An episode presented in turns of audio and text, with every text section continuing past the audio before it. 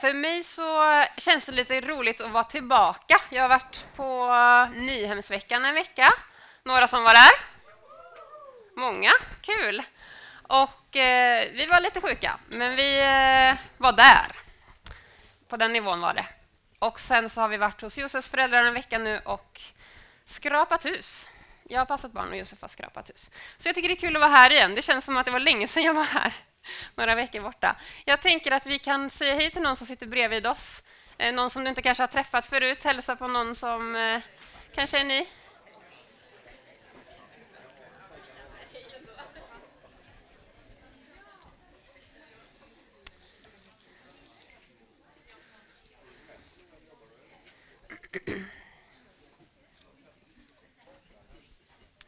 er som inte vet vem jag är så heter jag Linnea Borén och jobbar här som pastor med inriktning ungdom. Och just nu är vi inne i vår sommarserie som heter Alltid i tid. Och vi har sju söndagar om Guds timing för våra liv. Gud är alltid i tid. Det gillar vi svenskar att höra. Han är alltid i tid. Han är herre över tiden och han har skapat tiden, både tid och rum. Och I Första Moseboken så kan vi läsa om hur Gud skapar solen och dagen och månen och natten, vår dygnsrytm. Herre, eller Herren är herre över tiden, över ett långt perspektiv, början och slutet. Han har stenkoll. Och han är också här just nu. Precis där vi är just nu är han, så han har det stora perspektivet, men också så vill han möta med oss här idag, just nu. Han har koll. Det har ju inte alltid vi på tiden. Um, vi blir stressade, eller så slappar vi. Vi kanske springer före, eller så halkar man efter. Vi är långt fram i tiden, eller så gräver vi i vårt förflutna. Visst är det lätt? Vi längtar och vi sörjer. Vi går mellan hopp och förtvivlan. Vi slängs fram och tillbaka i tiden hela tiden. Och samtidigt som vi lever i gårdagen och lever i morgondagen i vårt sinne så är väl också ofta vår största önskan att saker ska hända exakt just nu. Det är ju lite frustrerande när det inte händer exakt just när jag vill. Precis nu vore det ju skönt om allt som jag ville skulle hända hände. För vi tycker ju inte om att vänta. Det är ju ingen höjdare.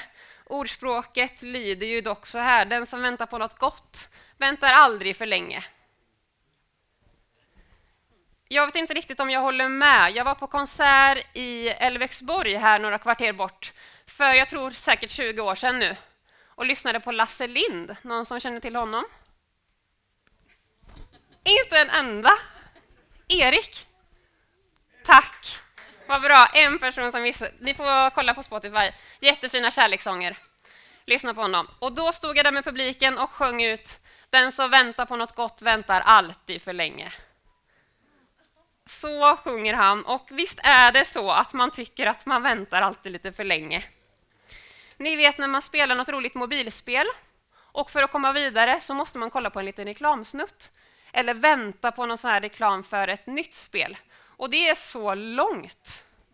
Säkert alltså tre, fyra sekunder som man måste sitta och vänta för att komma vidare i spelet. Och det är frustrerande. Jag vill ju saker att ska ske just nu. Mitt tålamod är inte alltid det bästa. Och när man är uttråkad, då vill man gärna ha roligt. Och när det är svårigheter så vill man gärna att det ska bli bra. Men vi behöver utstå väntan när det är tråkigt och vi behöver utstå svårigheterna när det är tungt.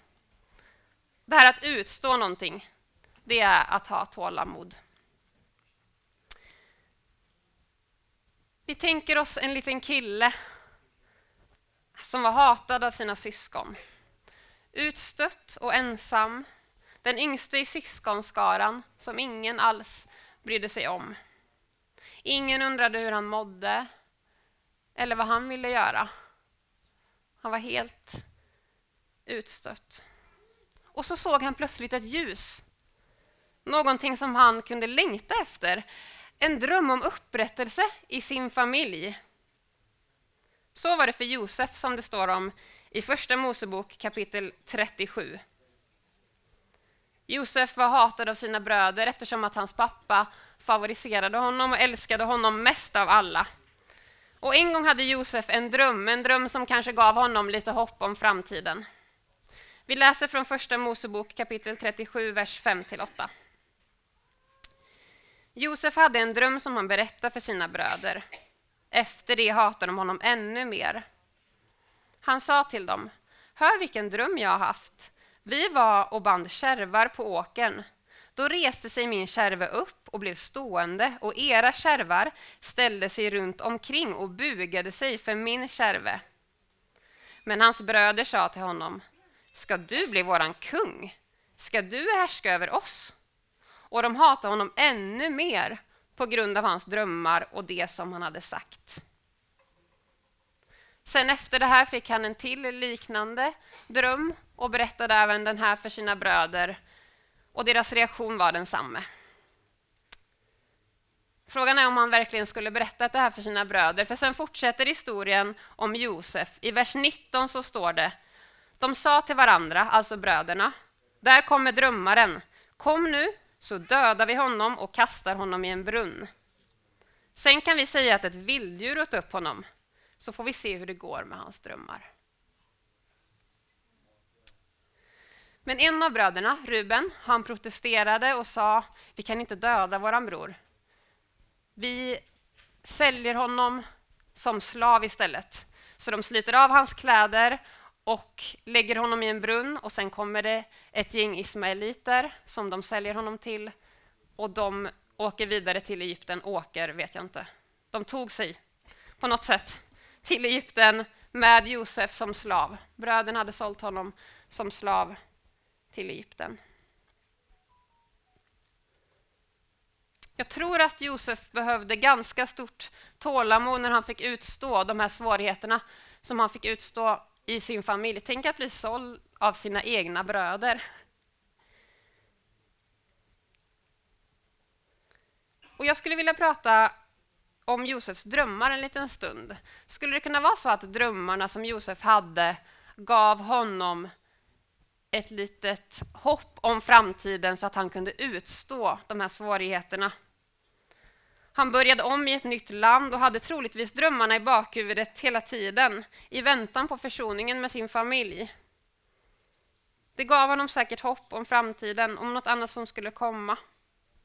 Det kanske hjälpte honom i hans process att sörja den här, det här uppbrottet och det här som hände med familjen. Och Det kanske är så för oss också, att vi behöver drömmar och visioner för att hålla ut för att utstå väntan och utstå prövningar och utstå svårigheter så kanske vi behöver nya drömmar och nya visioner för någon, något ljusare. Och när min tvååriga dotter på morgonen nu vill bre sin macka själv då måste jag tänka på att det kommer bli bra en dag. kommer det inte vara så mycket kladd. Mackan kommer bli färdig, kanske lite senare än vad jag tänker. Och hennes kläder kommer vara rena om några år. Hon kommer få mat i sig. Jag får liksom ha ett längre perspektiv än bara se den där mackan på morgonen, för att om jag bara kollar på den, då är det mest äckligt och kladdigt och väldigt mycket smör. Så jag tror att det är så att man behöver se, ha visioner och se lite längre in i framtiden för att utstå väntan och svårigheter. Christian Larsson predikade här på midsommardag, eller midsom... annandag midsommar, kan vi kalla det. Midsommarhelgen. Och då pratade han om hans tjänst i militären. Och så sa han att där fick vi inte reda på alltid vad som skulle hända nästa dag, utan vi kunde bli väckta klockan fem. Det här äh, parafraserar jag lite här nu, jag vet inte om han sa exakt så här, men något liknande. Vi kunde bli väckta klockan fem på morgonen och så blev vi utslängda i skogen och så skulle vi göra si och så. Han hade ingen aning. Jag tänker vilken skillnad det är om det är tvärtom. Att man faktiskt vet vad som väntar. Att man har en dröm om någonting. Då är det lite lättare att utstå det som man går igenom. Likadant tänker jag nu när vi går in i semestertider. Sista delen av maj. Det kanske är lite lättare på jobbet, för man har någonting att se fram emot. Man har något som man längtar efter. Man kanske ska åka iväg på semester eller se fram emot ljusare tider.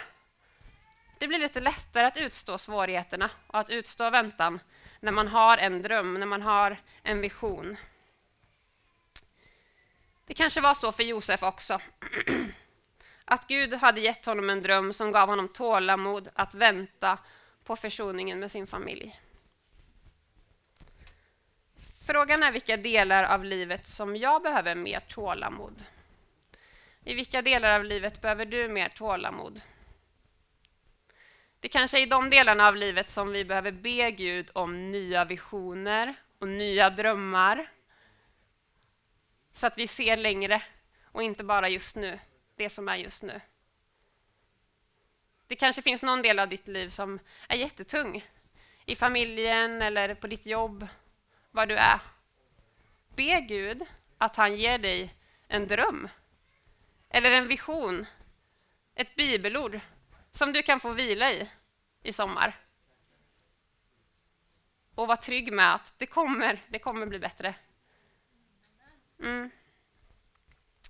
I Jeremia 29, vers 11 så står det Jag vet vilka tankar jag har för er, säger Herren, nämligen fridens tankar och inte ofärdens, för att ge er en framtid och ett hopp. Det är hans drömmar och visioner för oss. Så ber du om drömmar, då är det också goda drömmar.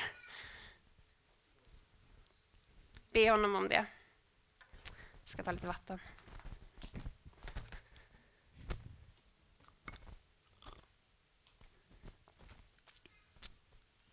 Josef berättelse fortsätter i Egypten och den tar en helvändning. När han kommer till Egypten så får han tjäna hos Potifar som var hovman hos farao. Och man kan säga att farao var dåtidens egyptiska kung.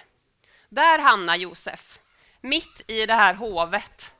Och han blir som faraos högra hand. Han blir väldigt omtyckt. Folket tycker om honom och, och farao vill ha med honom i allt. Det blev hungersnöd i länderna runt omkring Egypten och människor sökte sig till Egypten för att få mat, för där fanns det väldigt mycket mat. Det är en annan historia, men den kan ni läsa om i Första Moseboken. Josefs bröder de led också hungersnöd. De behövde också resa till Egypten för att få mat. Och I Första Mosebok 42, vers 6-8 så står det så här. Josef var nu den som hade makt i landet och det var han som sålde säd till allt folk. Då kom Josefs bröder dit och bugade sig för honom med ansiktena mot jorden. När Josef såg sina bröder kände han igen dem, men han låtsades att han var en främling för dem och tilltalade dem hårt och frågade dem, var kommer ni ifrån? De svarade, från Kanans land för att köpa säd. Trots att Josef kände igen sina bröder kände de inte igen honom. Då tänkte Josef på drömmarna som han hade haft om dem. Nu var det jättelänge sedan som Josef drömde drömmarna där hemma hos sin pappa. Och nu, äntligen, så slog de in. Och senare kan vi läsa om hur han återförenas med sin familj och får upprättelse. Och de blir som en familj igen. Och hela den här berättelsen om Josef så är det någonting som slår mig när jag läser texten. Det är inte som att läsa en vanlig roman eller någon deckare där det handlar om en familj och ett folk och intriger som bara är så. Utan det finns en dimension till. Det är som att författaren har lagt in en dimension till i texten som handlar om att Gud gick med Josef. Det är nästan lite så här, förresten, Gud gick med Josef också.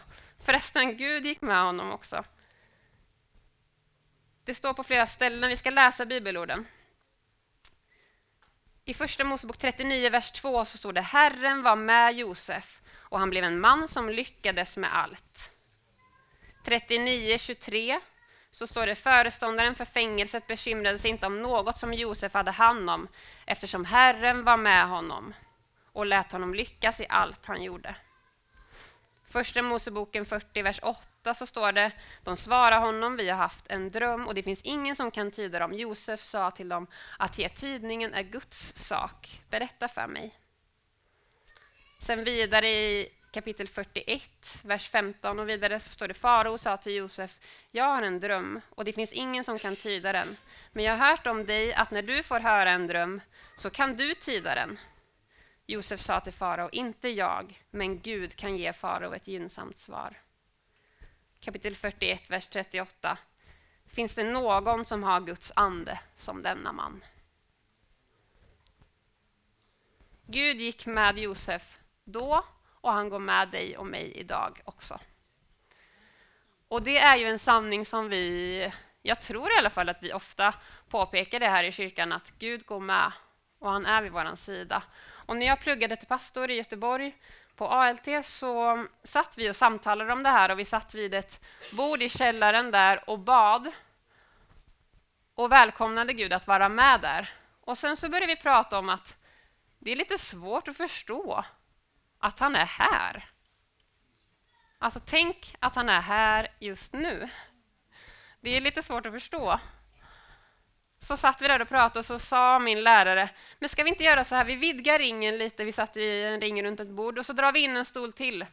Och så, och så tänker vi oss att Jesus sitter här med oss nu. Jesus sitter här i våran ring.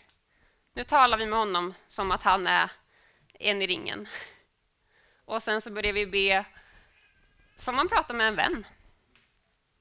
Man berättar om dagen och det var så fint det fick mig verkligen att lite mer förstå att han faktiskt är här just nu med oss.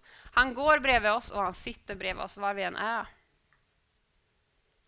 Så nära är han oss och så nära var han Josef då.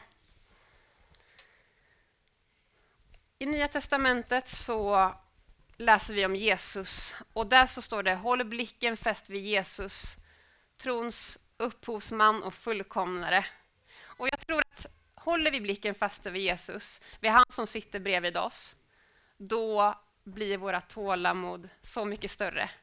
Tänk att han har lovat att han ska torka alla våra tårar en gång vid slutet. Det hjälper mig med mitt tålamod. Att den stora bilden har ett svar. Visst, det kan vara tungt när det går lite långsamt på morgonen med min dotter, men den stora bilden, att jag får leva i evighet, det ger mig ett tålamod som är så mycket större.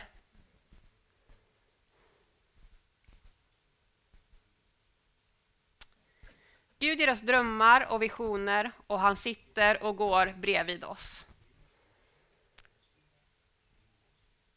Och I väntan och svårigheterna, då har vi ofta en förmåga, eller vi, jag i alla fall, att själv försöka forcera tiden och gärna komma vidare. Själv, i egen kraft. Jag står inte ut med att vänta och jag ser det framför mig att jag liksom går och släpar Gud så här. Kom igen, kom igen, jag vill framåt, jag vill mer, jag vill dit. Men vad gjorde Josef? För att drömmarna skulle slå in. Josefs bröder kommer till Egypten eftersom att det var hungersnöd i landet. Josef hade ingenting, eller ingenting ska jag inte säga, det är ganska mycket med hans historia runt omkring där. Eh, men Josef själv gör inte någonting för att bröderna ska komma till honom och buga sig för honom. Josef var där och delade ut maten och bröderna bugade sig för honom, som de gjorde. Det var Gud som gjorde så att drömmen slog in det var Gud som gav Josef drömmen och det var Gud som gav växten. Josef gjorde inte så mycket egentligen. En sak gjorde han. Och det var att han ställde sig till förfogande för Herrens hand, för Herren att handla. Det var det han gjorde. Som vi läste tidigare så står det att ge tydningen är Guds sak. Inte jag, men Gud kan. Det var det han fokuserade på. När de ville ha hans uttydning så skulle han ju också kunna glida på det lite och säga men jag är så duktig, jag är jättebra. Men han säger nej, tydningen är Guds sak. Inte jag, Gud kan. Det är han som ger frukten.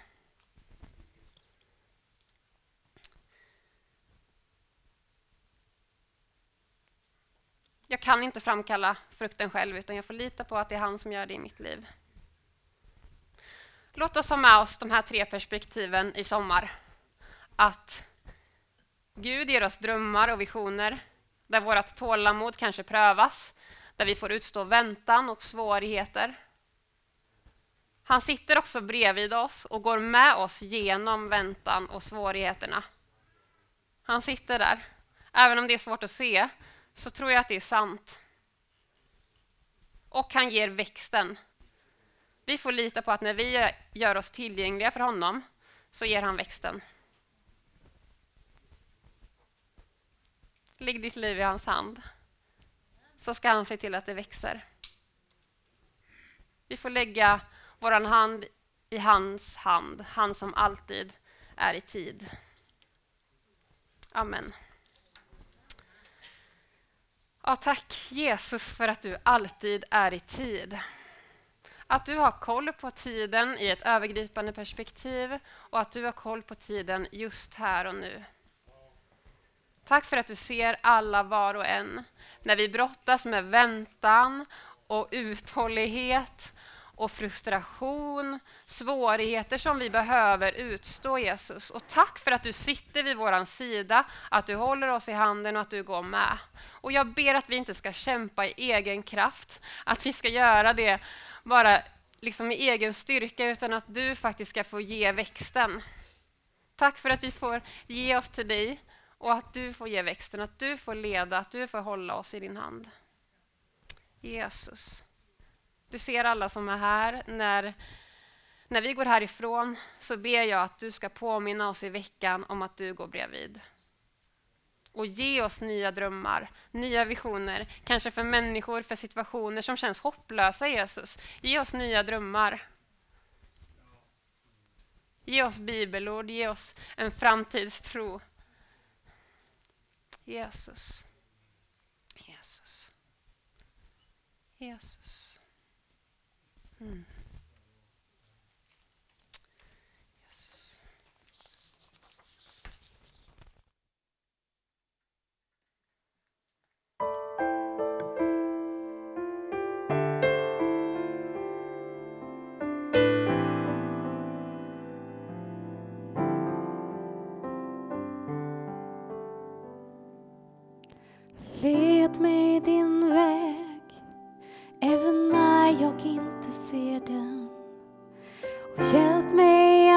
Trösta när missmod tränger in. Och hjälp mig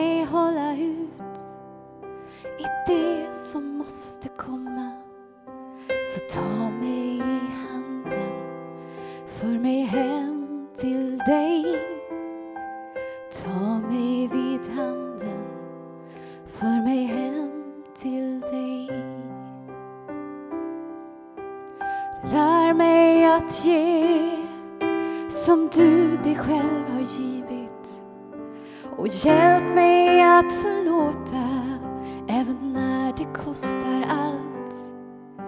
Och värm mitt kalla hjärta med elden från ditt eget. Ge mig mod att leva, bli källan till mitt liv. Ge mig mod att leva, bli källan till mitt liv.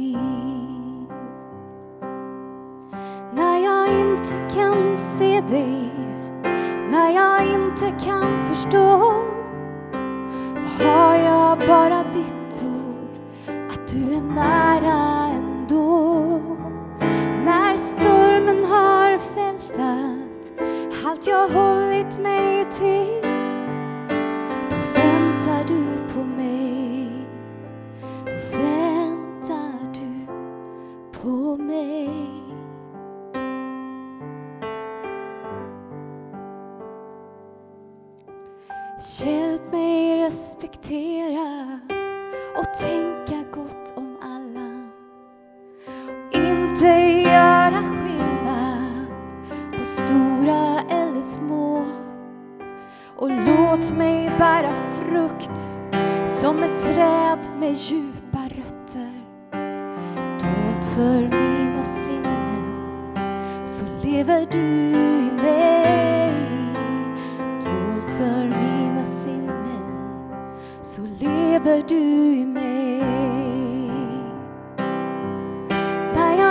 inte kan se dig när jag inte kan förstå då har jag bara ditt ord att du är nära ändå. När stormen har fällt allt, allt jag hållit mig till, då väntar du på mig.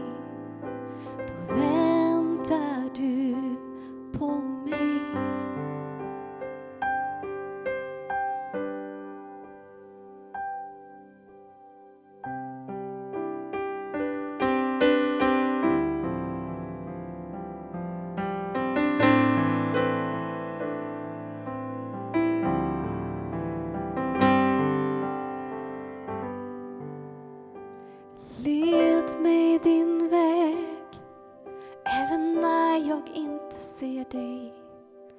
Och hjälp mig att förtrösta när missmod tränger in. Och hjälp mig hålla ut